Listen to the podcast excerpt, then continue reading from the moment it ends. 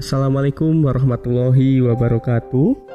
Sahabat Bil Quran Duta Sukses Kembali lagi bersama saya David pada program podcast Bil Quran Pada episode ini kita akan membahas tentang tujuh pintu rizki yang tercantum dalam Al-Quran. Kebanyakan orang beranggapan bahwa rizki sama dengan uang Padahal agama Islam telah menjelaskan tentang rizki dengan jelas dalam Al-Quran. Dan pintu rizki yang dimaksud ada banyak sekali jenisnya. Jadi, rizki tak hanya berbentuk harta ataupun benda.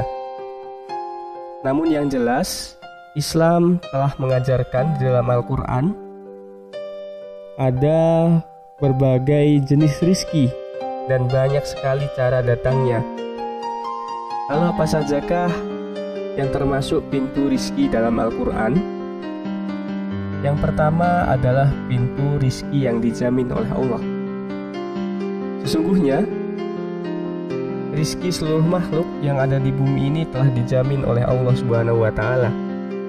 Kita sebagai manusia tak perlu khawatir akan merasa kekurangan, karena Allah telah menjamin selalu rizki tersebut untuk cukup. Dalam surat Hud ayat 6 dijelaskan bahwa sesungguhnya Allah telah menjamin rizki semua makhluk yang berjalan di atas permukaan bumi sebagai bentuk karunia dari Allah. Kedua, pintu rizki karena berusaha atau bekerja. Walaupun rizki sudah dijamin oleh Allah, kita tetap perlu untuk berusaha. Tidak ada sesuatu yang instan di dunia ini, termasuk dalam mendapatkan rizki untuk memenuhi kebutuhan hidup. Dalam Al-Quran pun telah disebutkan pada surat An-Najm ayat 36 yang memiliki arti dan bahwasanya seorang manusia tidak memperoleh selain apa yang telah diusahakan. Jadi pada dasarnya kita harus berusaha atau bekerja keras untuk menjemput rizki. Berusahalah sahabat dengan giat maksimalkan tenaga dan ide. Insya Allah, usaha tak akan mengkhianati hasil.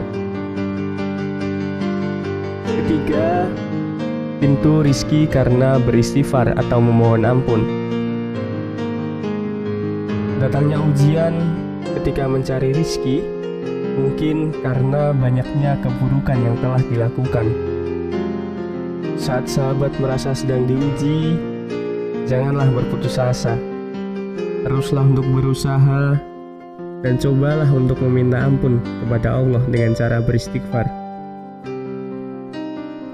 Hal ini didasari dengan Al-Quran Surah Nuh ayat 10 sampai 11 yang memiliki arti Maka aku berkata kepada mereka Mohonlah ampun kepada Tuhanmu.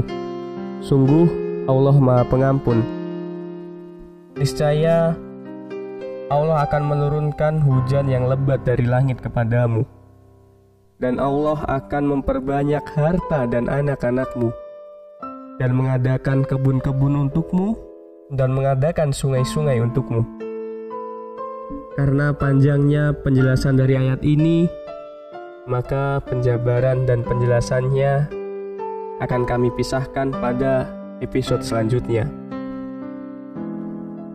Keempat, pintu rizki karena bersyukur kepada Allah. Segala sesuatu yang telah sahabat dapati di dunia ini sangat jelas sumbernya, yaitu dari Allah Subhanahu wa taala yang Maha Pemberi. Oleh karenanya, kita sebagai manusia patut mensyukuri nikmat yang telah diberikan. Dengan mensyukuri, insya Allah rizki akan terus mengalir kepada sahabat Hal ini sangat tegas disampaikan Allah melalui Al-Quran. Surah Ibrahim ayat 7 Sesungguhnya jika kalian bersyukur Pasti kami akan menambah nikmat kepadamu. Dan jika kamu mengingkari nikmat Allah Maka sesungguhnya azab Allah sangatlah pedih. Kemudian yang kelima pintu rizki karena bersedekah. Saya akan membacakan terlebih dahulu arti dari surah Al-Baqarah ayat 245. Arti dari surah tersebut berbunyi, Siapa yang bersedia memberi pinjaman kepada Allah, pinjaman yang baik yaitu menafkahkan hartanya di jalan Allah, maka Allah akan memperlipat gandakan pembayaran kepadanya dengan lipat ganda yang banyak. Dan Allah lah yang maha menyempitkan dan melapangkan rizki, dan kepadanya lah kamu dikembalikan. Rizki karena bersedekah ini sudah banyak sekali yang membuktikan Allah akan memberikan balasan bagi sahabat yang selalu menyisikan hartanya untuk bersedekah. Jika sahabat bersedekah, siapa tahu dalam hati penerima tersebut mendoakan sahabat supaya diberikan rizki yang melimpah.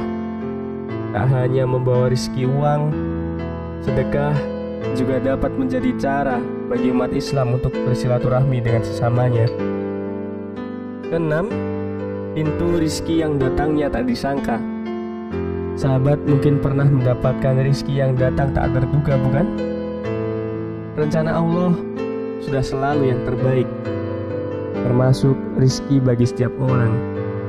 Sekalipun sahabat sedang kesulitan, misalnya dalam finansial, jangan pernah ragukan kekuasaan Allah. Sebab rizki bisa datang dari hal yang tak terduga. Dalam Quran surat At-Tolak ayat 3 Allah menjelaskan yang artinya dan memberinya rizki dari arah yang tiada disangka-sangkanya dan barang siapa yang bertawakal kepada Allah niscaya Allah akan mencukupkan keperluannya sesungguhnya Allah melaksanakan urusan yang dikendakinya. Sesungguhnya, Allah telah mengadakan ketentuan bagi tiap-tiap sesuatu. Yang ketujuh, pintu rizki karena menikah dan memiliki anak. Dan nikahkanlah orang-orang yang sendirian di antara kamu, dan orang-orang yang layak menikah dari hamba-hamba sayamu yang lelaki, dan hamba-hamba sayamu yang perempuan jika mereka miskin, Allah akan memampukan mereka dengan karunia-Nya. Dan Allah maha luas pemberiannya lagi maha mengetahui. Quran Surat An-Nur ayat 32 Setiap laki-laki dan perempuan yang memutuskan untuk beribadah kepada Allah dengan cara menikah, maka pada saat itulah Allah Subhanahu wa taala mencukupkan rizki mereka. Tak hanya sampai menikah, Allah juga akan membukakan pintu rizki setelah hambanya dikaruniai anak.